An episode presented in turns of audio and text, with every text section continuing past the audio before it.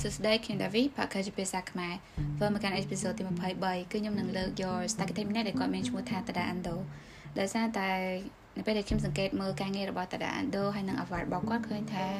វាបាន represent នៅ concept ឬក៏គេហៅថា perception របស់ Tada Ando ហ្នឹងគឺវាមានតំណែងជាមួយនឹង daylight and architecture ណាអញ្ចឹងវា relate ជាមួយនឹង topic position របស់យើង yeah that's why ខ្ញុំលើកយកតារានដោយមកនិយាយប៉ុន្តែអ្វីដែលខ្ញុំចង់បញ្ជាក់ពីខាងដើមគឺថាខ្ញុំនឹងមានស្ថាបត្យករផ្សេងផ្សេងទៀតដែលនឹងត្រូវនិយាយប៉ុន្តែលេខរៀងរបស់គាត់គឺអត់មានតកតងជាមួយនឹងសមត្ថភាពថាណាគេខ្លាំងជាងណាគេទេណាគឺអានេះគឺយើងលើកយកណាគេមកនិយាយមុនគឺអត់បានបញ្ជាក់ពីសមត្ថភាពរបស់គាត់នៅណាខ្លាំងជាងទេអញ្ចឹងចង់បញ្ជាក់ពីខាងដើមឲ្យហើយអឺអញ្ចឹងតកតងជាមួយតាដាអានដូនេះគឺខ្ញុំមាន3ចំណុចទី1គឺជីវប្រវត្តិរបស់គាត់ទី2គឺ ការ design philosophy មានន័យថាមនុស្សម្នាក់ៗក៏មាន style ជាពិសេសពេលនិយាយពី architect គឺប្រៀបដូចការនិពន្ធរឿងអញ្ចឹងមានន័យថាឲ្យតែយើងស្ដាប់ទៅវាមានហេតុផលហើយវាជាការ design នៅរឿងរ៉ាវដែលវាប្រតិកលាគ្នា គឺវាអូខេវាអត់ចាំបាច់ logic ដល់ថ្នាក់ដូចគណិតរូបអីចឹងឯងយ៉ាហើយនឹងចំណុចទី3គឺតកតងជាមួយនឹង case study ចឹងខ្ញុំនឹងលើកយក case study 3របស់ Tada Ando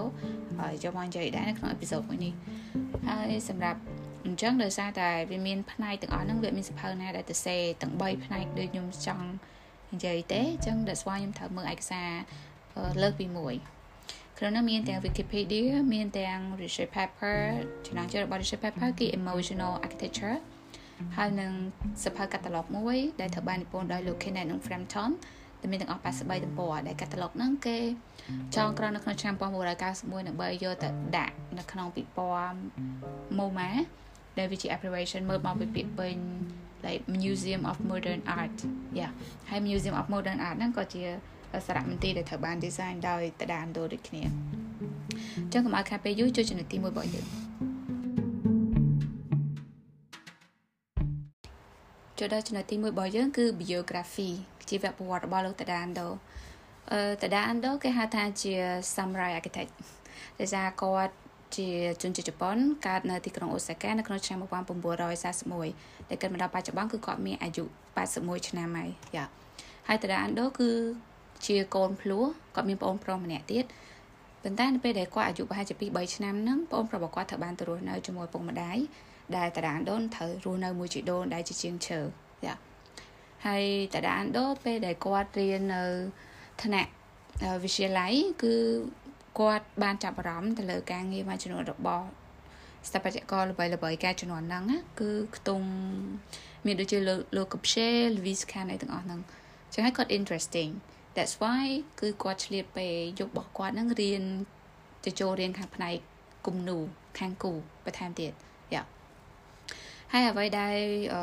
យើងចាំបាច់ទៅតែដឹងគឺថាតារាដូគឺជាស្ថាបត្យករម្នាក់ដែលគាត់អត់ទទួលបាន ការអប់រំផ្លូវការគេហៅថាចេញពីសាលា official ទេគឺគាត់ self learning self touching អញ្ចឹង um like I should appreciate him yeah ចឹងទៅគឺមានអ្នកកសែតនិងអ្នកយកព័ត៌មានជាច្រើនបានសួរគាត់ថាគាត់បានចូលរៀន like ទទួលបានការអប់រំស្តង់ដារខាងផ្នែកស្ថាបត្យកម្មនឹងទេតែហេតុអីបានគាត់ คล้ายខ្លួនទៅជាស្ថាបត្យករបានអញ្ចឹងអឺគឺគាត់មានចម្លើយតែពីរទេទី1គឺថាគាត់បានចូលរៀនវគ្គមួយតែមិនវាមិនចំជាវគ្គស្ថាបត្យកម្មទេណាវាគាត់តែដូចយើងរៀនតាក់ទងជាមួយនឹងអាគារ traditional ផលប្រទេសជប៉ុនហ្នឹងចឹងទៅអា spirit នៃ Japan building culture ហ្នឹងក៏បានដកចូលនៅក្នុងចិត្តរបស់គាត់អញ្ចឹងរាល់ការ design របស់គាត់គឺតែងតែមាន influence effect ពី Japan culture ហ្នឹង ហ្នឹងមួយ ទី2គឺគាត់បានទៅចូលរួម study tour នៅជាមួយពិភពលោកចន្លោះឆ្នាំ1962ដល់ឆ្នាំ1969ចាគឺគាត់បាន travel ទៅអាមេរិកទៅអឺរ៉ុបនិងទៅអាហ្វ្រិកដើម្បីទៅរៀនពីស្ថាបត្យកម្មខាងលោកខាងលិចហ្នឹងណាហើយនឹងប្រវត្តិផ្សេងផ្សេងហើយតាដានទៅគឺគាត់ជួយចិត្តអានសភៅណាគាត់បាន save up លុយរបស់គាត់ហ្នឹងដើម្បីយកទៅទិញសភៅដើម្បីយកមកមើលយ៉ាប៉ុន្តែមុននឹងគាត់ ខ្លាចទៅជាស្ថាបត្យករហ្នឹងគឺគាត់មានមុខរបរអាជីពមួយ គឺជាអ្នកបដាលប៉ុន្តែគាត់ give up ទៅវិញនៅក្នុងឆ្នាំ1965ដោយសារគាត់គិតថាវាមិនជាអ្វីដែលគាត់ចង់បានប្រកបទេគឺគាត់ចង់ខ្លាចទៅជាស្ថាបត្យករ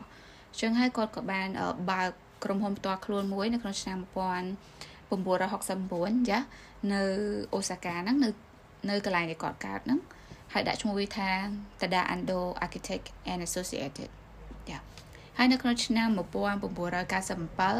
តាដានដូក៏បានខ្លាយទៅជាគ្រូបង្រៀនខាងផ្នែកស្ថាបត្យកម្មហ្នឹងនៅឯសាកលវិទ្យាល័យ Tokyo University ចា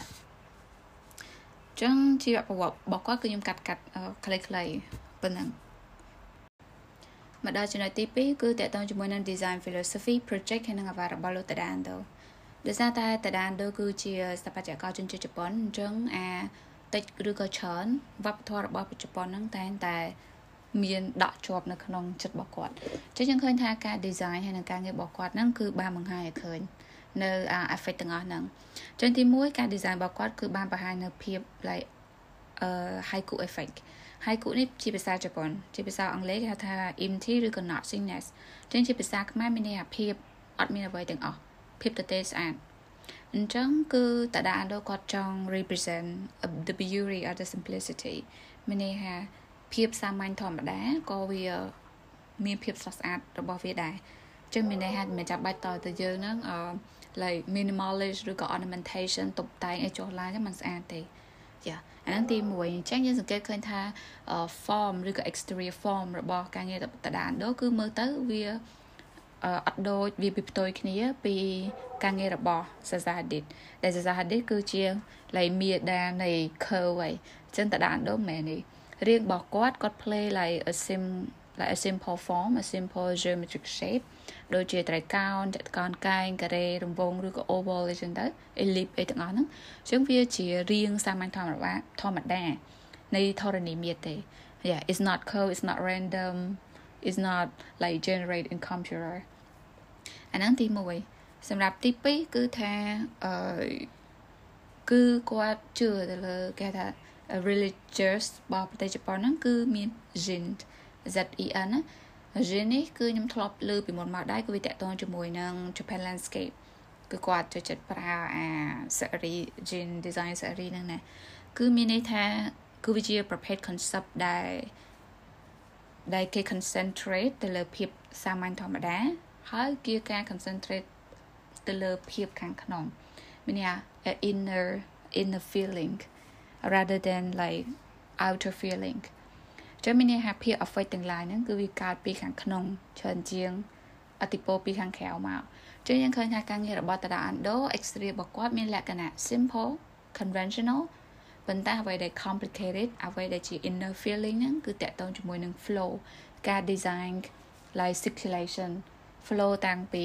land in trend ចូលមក landscape ចូលមកកាន់ like building in trend ហើយចូលមកដល់ inner space គឺ flow របស់គាត់មានលក្ខណៈ complicated ចឹងធ្វើឲ្យមនុស្សហ្នឹងគាត់ទោះទោះវា simple form ក៏ដោយប៉ុន្តែនៅពេលដែលយើង flow នៅ kia ហ្នឹងយើងទទួលបានអារម្មណ៍អ្វីមួយតាមរយៈការ design របស់គាត់ចឹង mostly គឺគឺគាត់ឲ្យតម្លៃទៅលើ flow ការ design flow ច្រើន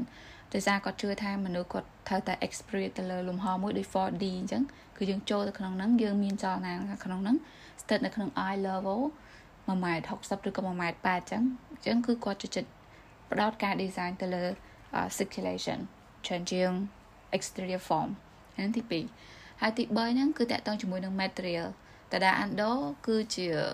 យើងអាចនិយាយថាវាជារៀង3ដានៃ concrete នៃបេតុងដោយសារការងាររបស់គាត់ទាំងអស់គឺ mostly mainly គឺ concrete យ៉ាវាជារៀង brutal architect ចឹងតែគាត់ថា brutal architect មានលក្ខណៈ like អឺរឹងរឹងប៉ុន្តែ architect ផលតាដាអានដូគាត់ប្រើបេតុងឬក៏ស៊ីម៉ង់ដែរប៉ុន្តែយើងមើលទៅវាទន់មើលទៅវាស្រាលជាងដោយសារតែគាត់អឺបូករួមនៅ concept like light concept ពន្លឺរបស់ ព្រះអាទិត្យចូលទៅខាងក្នុងនឹងដែរអញ្ចឹងគាត់អាច inhale ណា form របស់គាត់ហ្នឹងឲ្យមើលទៅស្រាលមើលទៅ release មើលទៅ meditate នៅខាងក្នុងហ្នឹងចឹងអានេះតាមការសម្រាយនៃការគិតរបស់ខ្ញុំទេគាត់ខ្ញុំមើលឯកសារហើយខ្ញុំគិតថាគឺមាន3ចំណុចហ្នឹងតកតមួយ style ឬក៏ design philosophy របស់ Tadando មកដល់ project អឺ Tadando គឺមាន project ច្រើនមែនតើ170 project គឺ project របស់គាត់ចាប់តាំងពីឆ្នាំ project ទី1មានឈ្មោះថា Tomishima គឺនៅអូសាកានឹងឯងនៅក្នុងឆ្នាំ1973ចឹងមានន័យថា4ឆ្នាំក្រោយពីគាត់បានបង្កើត office ផ្ទាល់ខ្លួនហើយគាត់បានបង្កើត project ហ្នឹងជាលើកដំបូងហើយ project ទី170របស់គាត់នេះគឺនៅក្នុងឆ្នាំ2020 2ឆ្នាំមុន គឺមានឈ្មោះថា Naganoshima Children Book Forest គឺនៅអូសាកាដូចគ្នាប៉ុន្តែមិនយើងឮថានៅអូសាកាតែការងាររបស់តាដានដូមិនមានតែ build ហើយនិង design នៅខាងក្នុងប្រទេសជប៉ុនទេ ទាំងនៅក្រៅប្រទេសក៏មានដែរដូចជានៅអឺរ៉ុបនៅអាស៊ីអាគ្នេយ៍យើងដូចជាចិនកូរ៉េខាងត្បូងតៃវ៉ាន់យ៉ាហើយដូចជានេប៉ាល់ហើយនេប៉ាល់នៅនៅអាស៊ីអាគ្នេយ៍ដែរឲ្យខ្ញុំអត់ច្បាស់ទេទាំងនៅអឺរ៉ុបដូចជាអង់គ្លេសបារាំងយ៉ាហើយអាមេរិកខាងត្បូងដូចជាមេស៊ីកូយ៉ាអញ្ចឹងគឺស្នាដៃហើយនឹងការងាររបស់គាត់ហ្នឹង គឺច្រើនមែនតើរាយពេញពិភពលោកហើយនឹងមួយទៀតគឺ Award Award ក៏តដៅបានជាប់ច្រើនដែរទាំងអស់មាន21 Award ដែលគាត់បានជាប់ Award ទី1របស់គាត់ហ្នឹងគឺនៅក្នុងឆ្នាំ1979អញ្ចឹង10ឆ្នាំក្រោយពីបង្កើត Office ផ្ទាល់ខ្លួនដែល Award ហ្នឹងមានឈ្មោះថា Annual Prize ដែលគាត់ឈ្នះដោយសារតែការងាររបស់គាត់ហ្នឹងគឺ Row House នៅ Sumijusu យ៉ានៅក្នុងប្រទេសជប៉ុន ហើយគាត់ក៏ទទួលបាន International Award មួយចំនួនដែរដូចជា Award Alto Medal របស់ Fang Long ក្នុងឆ្នាំ1985 Gasbird Architect Prize នៅ Denmark 1992ហើយនិង Pickers Architecture Prize នៅសហរដ្ឋអាមេរិកក្នុងឆ្នាំ1995អា Pickers Prize Architecture ហ្នឹងគឺល្បីយ៉ាគឺ Prize ពានរង្វាន់ហ្នឹងគឺល្បីខ្លាំងគឺខ្ញុំរៀននៅឆ្នាំទី1ហ្នឹងគឺខ្ញុំបានឮពីពានរង្វាន់ហ្នឹងហើយយ៉ា ហើយនឹងពានរង្វាន់គាត់ជាប់ចុងក្រោយបង្អស់ទី21ហ្នឹង I don't know is the last ប៉ុន្តែខ្ញុំឃើញនៅក្នុង list វាក្រោយគេគាត់អាចនឹងជាប់ពានរង្វាន់អីផ្សេងទៀតក្រោយក្រោយទៀតយើងអត់ដឹងទេណានៅក្នុងឆ្នាំ2021ឆ្នាំមុននឹងឯងគឺពានរង្វាន់របស់ប្រទេសបារាំងចឹងខ្ញុំសូមអានពានរង្វាន់របស់គេហ្នឹងជាភាសាអង់គ្លេសគឺ Royal Order of the Legion of the Regions of Honors yeah ចូលមកដល់ចំណុចទី3គឺតកតងជាមួយនឹង case study ដែល case study នេះខ្ញុំដកស្រង់ចេញពី research paper ដែលមានចំណងជើងថា emotional architecture ចឹងនៅក្នុងហ្នឹងមុននឹងគេទៅសេដល់ case study ក្នុងមាន case study 4ខ្ញុំលើកយកមកនិយាយ3ហើយមុននឹងគេនិយាយពី case study ហ្នឹងគឺគេ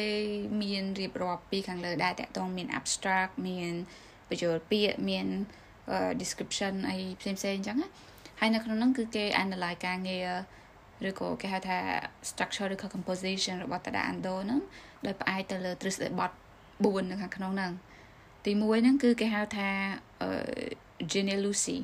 Gene Lucy Sari របស់របស់ក្រិចបុរាណណារបស់ក្រុងរ៉ូមបុរាណសំទោសមិនមែនក្រិចទេក្រុងរ៉ូមបុរាណដែល Gene Lucy ហ្នឹងគឺគេវាមានន័យដូចទៅនឹង spirit of place ឬក៏ meaningful scene of space ទ្រឹស្ដីបទទី2គឺ emotional design theory របស់លោក Donald A. Normand ហើយទី3គឺ postmodern narrative theory ហើយនិងទី4គឺ Jin theory ដែលជា theory របស់ប្រទេសជប៉ុននឹងឯងប៉ុន្តែខ្ញុំអត់ detail ទេណាប្រសិនបើយើង interesting យើងអាចចូលទៅ check អាច research paper វាយតាមឈ្មោះខ្ញុំនិយាយហ្នឹងទៅវា load មកហើយចឹងយើងអាចមើលលម្អិតបន្ថែមអឺយ៉ាចឹងមកដល់ case study ហ្នឹងគឺគេនឹង analyze ទៅលើការងារ Ando ដោយផ្អែកទៅលើ4ចំណុចចាំមានថា case study មួយមួយនឹងមាន4ចំណុចនឹងដូចគ្នា ទី1គឺពីស្ថានភាពនៃ composition មានន័យថាគាត់បង្កើតអាធាតុដុំដុំនឹងដោយរបៀបម៉េច spirit of place ទី2គឺនៅពេលដែលធាតុទឹកជាមួយនឹងស្ថាបត្យកម្មហ្នឹងបែបម៉េចទី2គឺធាតុនៃពន្លឺ ពន្លឺរបស់ព្រះអាទិត្យជាមួយនឹងស្ថាបត្យកម្មហើយនឹងទី4គឺ material characteristic តកតងជាមួយនឹង material ដែលគាត់នឹងយកមកប្រើវាមានតំណែងតំណងអីគេបែបម៉េចយ៉ាចឹងសម្រាប់ case study ទី1គឺ Water Temple of Benfusi uh, Water Temple នេះគឺ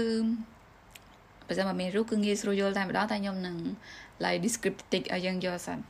អឺ Water Temple ហ្នឹងបើសិន ខាងផ្នែកស្ថាបត្យកម្មពេលដែលយើងមើលនៅលើ side plan គឺ north ឬក៏គេហៅថាខាងខាងជើង គឺជាទិសដៅគោលយើងត្រូវយកវាឡើងទៅលើអញ្ចឹងអាគារស្ថាបត្យកម្មហ្នឹងគឺវារៀង trade មកខាងកើតប្រហែលជាខ្ទង់15ទៅ20ដឺក្រេយ៉ាគឺខ្ទង់ប៉ុណ្ណឹងវា trade អញ្ចឹងអញ្ចឹងផ្លូវចូលពី landscape មកអឺពី land in trend មកគឺយើងត្រូវជួបជាមួយនឹងចាំងផ្ទាំងសិនចាំងត្រង់មកផ្ទាំងកាត់កែង ជាមួយនឹងផ្លូវចូលបន្តមកទៀតមានចាំងមកផ្ទាំងទៀតរៀងរៀងរៀងកោងតើក៏មានច្រាក់ចូលមកទៀតទៅយើងឃើញ like elip បងកពើមួយប្រចាំក្តារហើយនៅពងកពើហ្នឹងគឺវាមានទឹកនៅខាងលើចឹងមាន space នៃ temple ហ្នឹងគឺវានៅឯ underground វានៅ basement ចឹងហើយគាត់តាដាដងក៏បាន design នៅ like ចេដាមួយកាត់កែងចំកដាលពងកពើហ្នឹងចុះទៅខាងក្រោមដី ចឹងយ៉ាយើង maybe អាចសម័យបាន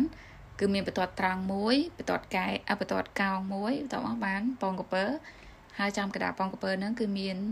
អឺចដាលចុះទៅខាងក្រោមនេះអញ្ចឹង Vara Temple គឺវាមានបែបហ្នឹងអញ្ចឹងយើងនឹងមើលទី1គឺតកតងជាមួយនឹង composition situation គឺថាអឺ ស្ថាបត្យកម្មផលតាដាអានដូឬក៏យើងមើលពី floor plan layout គឺ mostly វារៀងដូច line line យើងមើលទៅ like បន្ទាត់បន្ទាត់បន្ទាត់ដោយសារតែ like architecture element ដែលគាត់ចូលចិត្ត design ជាងគេគឺតកតងជាមួយនឹងជាងគាត់ជឿថាអញ្ចឹងគឺមានឥទ្ធិពលខ្លាំងដែលលំហមួយហ្នឹងគាត់យើងដាក់អញ្ចឹងចូលផ្លុកយើងដឹងថាផ្ទៃ like ផ្នែកខាងណាខាងក្រៅផ្នែកខាងណាខាងក្នុងអញ្ចឹងអញ្ចឹងគឺវាមានឥទ្ធិពលមែនតើរៀងជារៀងជា line line យ៉ា ហើយអ្វីដែលគាត់គិតបន្ទាប់ទៀតហ្នឹងគឺវាតកតងជាមួយនឹងគាត់ត្រូវ design like here temple ចឹង temple នៅជប៉ុន mostly គេឲ្យតម្លៃឬគេហៅថា like temple characteristic ហ្នឹងឬក៏ temple identity ហ្នឹងវាស្ថិតនៅត្រង់ចំណុចអីគេអញ្ចឹងអាកន្លែងជាដាចុះទៅហ្នឹងគឺគាត់គេថា corridor ហ្នឹង visiting corridor ដែរគាត់ទៅចុះពីជាដាទៅវាមានផ្លូវដើរទៅ walkway ហ្នឹង គឺគាត់បានប្រើនៅអានជាងប្លោះប្លោះ grid grid ហ្នឹងគេហៅថា infrared corridor គឺគាត់លាបទៅជាពណ៌ក្រហមហើយ like hall hall ជាភាសាខ្មែរគេថាយ៉ាងម៉េចណាដូចសាលចាសាលផលព្រះវិហារហ្នឹងក៏គាត់លាបទៅជាពណ៌ក្រហមដែរដោយសារ temple ផលប្រទេសជប៉ុនគឺពណ៌ក្រហមជាតំណាងយ៉ាអញ្ចឹងគាត់អាច represent color ហើយនឹង ទៅលើ space ទៅលើ corridor ហ្នឹងដើម្បីបង្កើតនៅអា space situation ឬក៏ space atmosphere ហ្នឹងទី2គឺតកតងជាមួយនឹងធាតុទឹកអឺ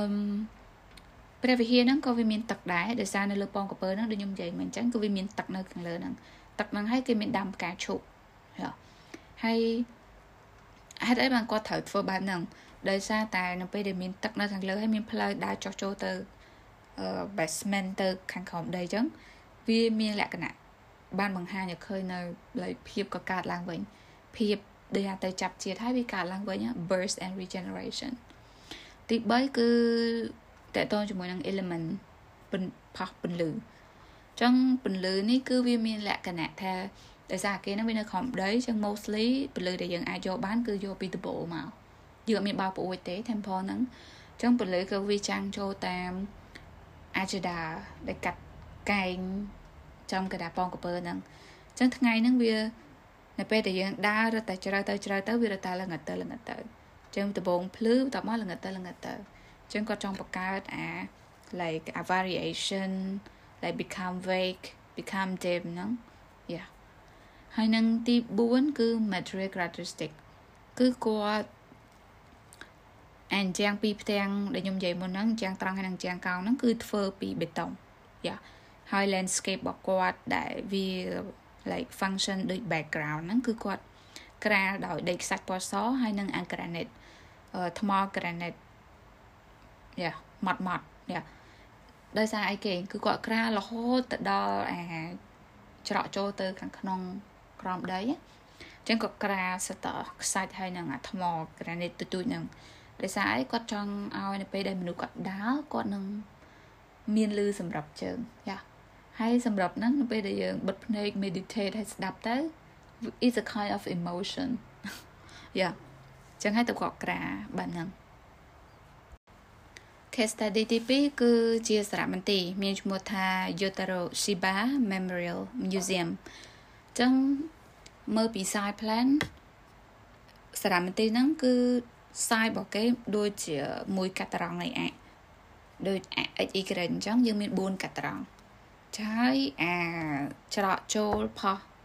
ដីហ្នឹងគឺគឺជា center គឺគាត់ដាក់ជា like កាប់ចិត្តផុសអាចឹងទៅវាត្រង់ចំណុច0ហើយចឹងមានន័យថាសាយក្នុងអាគារហ្នឹងវាវាដូចនៅមួយកាត់ត្រង់ចឹងហើយរៀងផកសារមន្ទីរហ្នឹងគឺរៀងជាកន្លះ ឡៃរង្វង់1ភាគ4រង្វង់ដែរអញ្ចឹងវារៀងកោងវារៀងខើតែខ្ញុំបញ្យល់ពីខាងដើមតិចអញ្ចឹងថារៀងផលអាគារហ្នឹងវាបែបម៉េចយោអញ្ចឹងឥឡូវយើងមកមើលចំណុចទី1តកតងជាមួយនឹង composition composition របស់គាត់នេះគឺគាត់បាននឹកឃើញទៅដល់ការរស់នៅតាមបែបជប៉ុន style ម្យ៉ាង គឺមុននឹងគេចូលទៅដល់លំហឬក៏ផ្ទះឬក៏អាគារហ្នឹងគេត្រូវមាន walkway ឬក៏គេហៅថា a landscape walkway អញ្ចឹងត្រូវ walk ហើយនៅនៅនៅសងខាងផ្លូវដើរហ្នឹងត្រូវដាំដើមឈើឬក៏ដាំផ្កាដាក់ផើងផ្កាឬក៏មាន like អញ្ចឹងកញ្ចក់អីចឹងណាប៉ុន្តែវាអត់តន់ចូលដល់លំហផ្នែកដែលយើងរស់នៅទេ a living space no it just it just the outside outside space yeah អញ្ចឹងអឺវាវា it is a kind of the Japan style which is style របស់ប្រទេសជប៉ុន នៃការរស់នៅរបស់ប្រទេសជប៉ុនដោយសារអីវាវាតកតងជាមួយនឹង is លេអារម្មណ៍បែបដូចយើងនឹងបានដើរឆ្លងកាត់ 4D ដូចយើងបានដើរឆ្លងកាត់នៅលំលំហមួយដែលវាមានបំលាស់បដូរទាំងពេលវេលាវាមានចលនាវាផ្លាស់ប្ដូរពេលវេលាពេលវេលាអត់នៅនឹងថ្កល់ដូចថាយើងត្រូវយើងដើរយូរទៅគឺយើងទៅមុខរហូតពេលវេលាក៏វាទៅមុខរហូត ចឹងទៅអាដើមឈើនៅជុំវិញខ្លួនយើងហ្នឹងក៏វាមានចលនា motion ចឹងហើយទៅទៅក៏ apply អា style ហ្នឹងដាក់ចូលទៅក្នុងសារមន្ទីរហ្នឹងមុននឹងដើរចូលទៅដល់សារមន្ទីរយើងត្រូវដើរឆ្លងកាត់អាអា walkway landscape ហ្នឹងសិនយ៉ាអានទី1សម្រាប់ទី2នៅខាងក្នុងសារមន្ទីរហ្នឹងគឺវាប្រៀបដូចជា library គឺវាមានដាក់តាំងសភៅច្រើនមែនតើគឺយើងអាចចូលទៅអានបានតែអ្វីដែលមានលក្ខណៈពិសេសគឺអា book shelf អាទូដាក់សភៅហ្នឹងមិនមែនទុយទុយខ្លីៗដូចសារមន្ទីរយើងទេណាអឺ sorry មិនដូចបណ្ណាឡាយយើងទេគឺគឺជាអញ្ចឹងមកផ្ទាំងដែលវាភ្ជាប់ពី floor ទៅដល់ ceiling តែម្ដងពីកន្លែងយើងជន់ហ្នឹងទៅដល់ពីដានតែម្ដងអញ្ចឹងយើងឃើញថាខ្លួនរបស់យើងដូចត្រូវបាន cover ដូចត្រូវបាន impress ជាមួយនឹង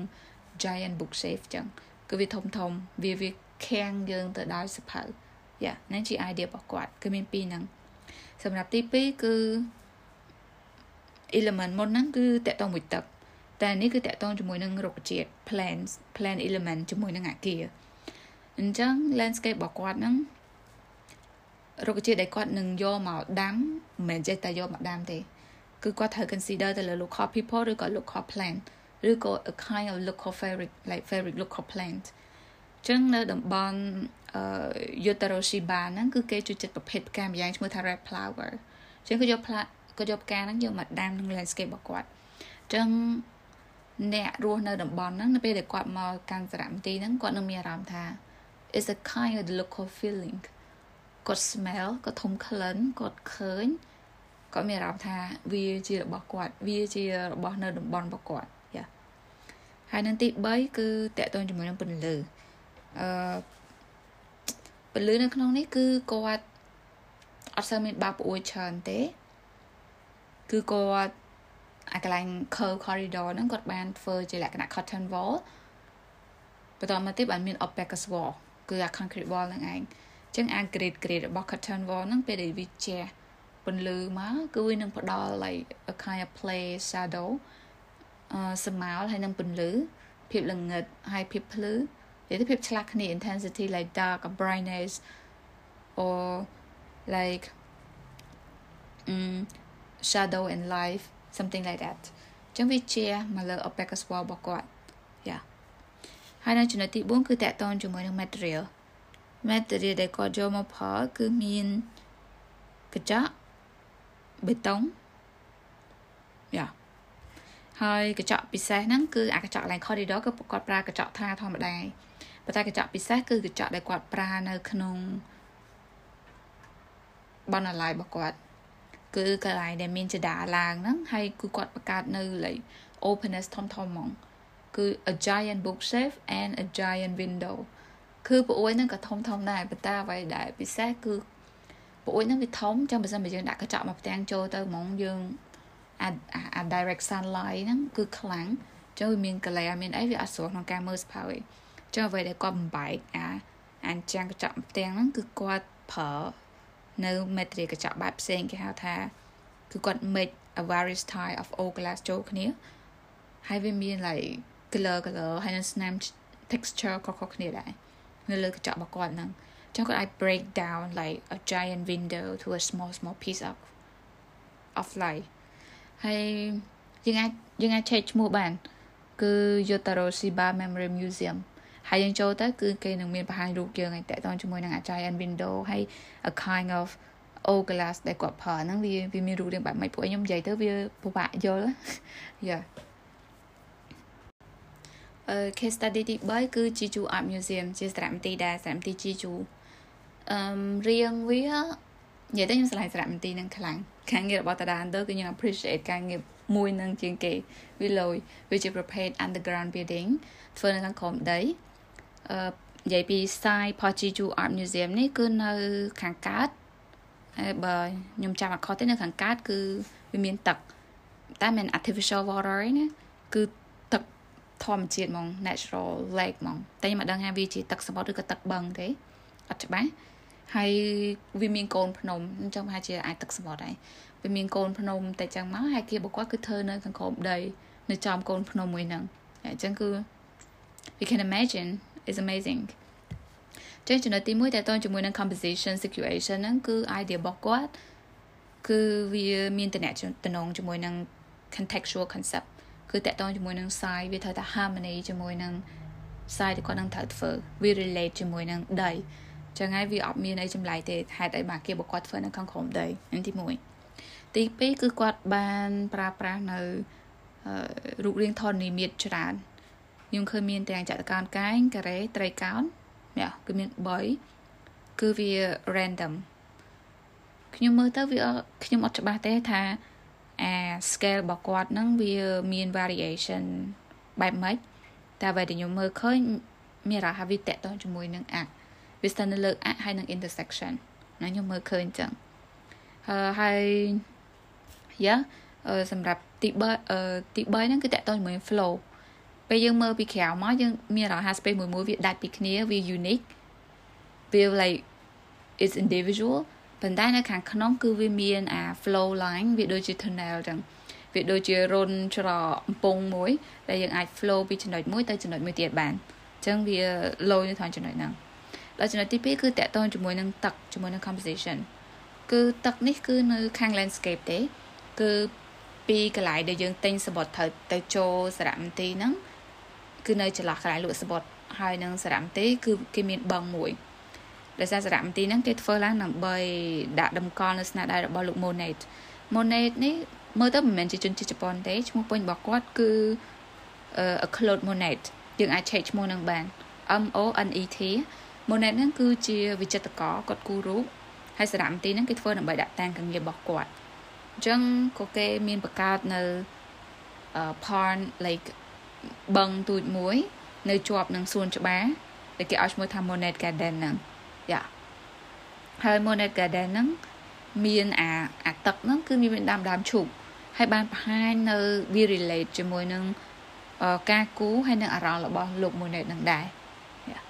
ហើយនៅទី3គឺតកតងជាមួយនឹងពន្លឺអឺពន្លឺនៅថតចំណុចនេះគឺថាអញ្ចឹងដោយសារវាជា underground ទៀតហើយចឹងខ្ញុំសង្កេតឃើញថាការងារខ្ញុំនិយាយនេះអឺពីរហើយគឺ underground អញ្ចឹង light ដែលយើងអាច borrow ពីពន្លឺព្រះអាទិត្យបាន គឺមានតែពីដបូទេយ៉ាពីលើឯងអញ្ចឹង architect របស់គាត់នេះមានពី4 6 7 block block ខ្លះគឺដបូបិទចិត្តមាន like kind of dome យ៉ា dome ហើយមានអឺ skyline វាមានកញ្ចក់អញ្ចឹងណាប៉ុន្តែដុំខ្លះទៀត block ខ្លះទៀតគឺ open ហ្មងគឺ open ហ្មងអត់មានប្រើកញ្ចក់របៀបដបូកញ្ចក់អីទេ no អត់ទេចាអឺអញ្ចឹងការដែលគាត់ប្រើពលឺបែបហ្នឹងធ្វើឲ្យយើងអាចយើងអាចបង្ហាញបានថាមួយប្លុកគឺមានពលឺមួយអញ្ចឹងនៅពេលដែលមនុស្សគាត់ផ្លាស់ប្ដូរ flow របស់គាត់ពីប្លុកមួយទៅប្លុកមួយទៀតគាត់អាចសង្កត់ឲ្យនៅពេលដែលគាត់ reach like reach a new life ឬក៏ទៅដល់កន្លែងមួយដែលមានភ្លឺមានអ្នកគាត់ដល់ប្លុកមួយផ្សេងឯង yeah it is a kind of that design yeah ចាំមានន័យថាមកប្លុកគឺមានពលឺតែមួយទេវាមានពលឺអីមកញ៉ៃញ៉ៃទេ yeah សម្រាប់ទី4គឺតកតងជាមួយនឹង material ដែលគាត់ប្រើ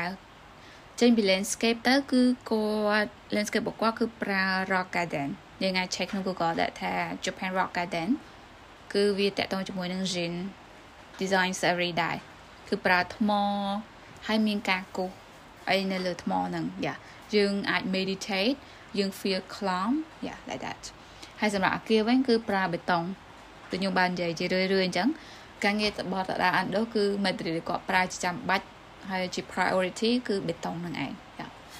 អញ្ចឹងយើងចប់ case study របស់យើងហើយហើយក៏មកដល់ចុងបញ្ចប់នៃ episode ដែរហើយខ្ញុំដឹងថាវាភ្លៀង និយាយទៅចប់ហើយតែឥឡូវវាភ្លៀងយ៉ា but then that's okay it's natural it needs to be happen and yeah ចឹងអេពីសូតមួយនេះគឺគឺចប់តែប៉ុណ្្នឹងហើយប៉ុន្តែតកតងជាមួយនឹងព័ត៌មានរបស់តដានដូគឺវាមានច្រើនច្រើនមែនតើយ៉ាហើយតដានដូក៏គាត់បាននិពន្ធនៅសភៅមួយចំនួនដែរប៉ុន្តែ mostly is not free គឺយើងត្រូវទិញយ៉ាអូហើយអ្វីខ្ញុំចង់បញ្ជាក់គឺថាតដានដូគាត់ និយាយតែភាសាជប៉ុនទេគាត់អត់និយាយភាសាអង់គ្លេសទេអញ្ចឹងទៅអាវីដេអូដែលគេ post នៅក្នុង YouTube គឺខ្ញុំអត់ស្ទើរបានមើលទេយ៉ាបើសិនបើមើលយើងត្រូវតែយល់អំពីទៅដាក់អានដូច្រើនថែមទៀតយ៉ាយ៉ាអញ្ចឹងតែប៉ុណ្្នឹងទេបាយបាយ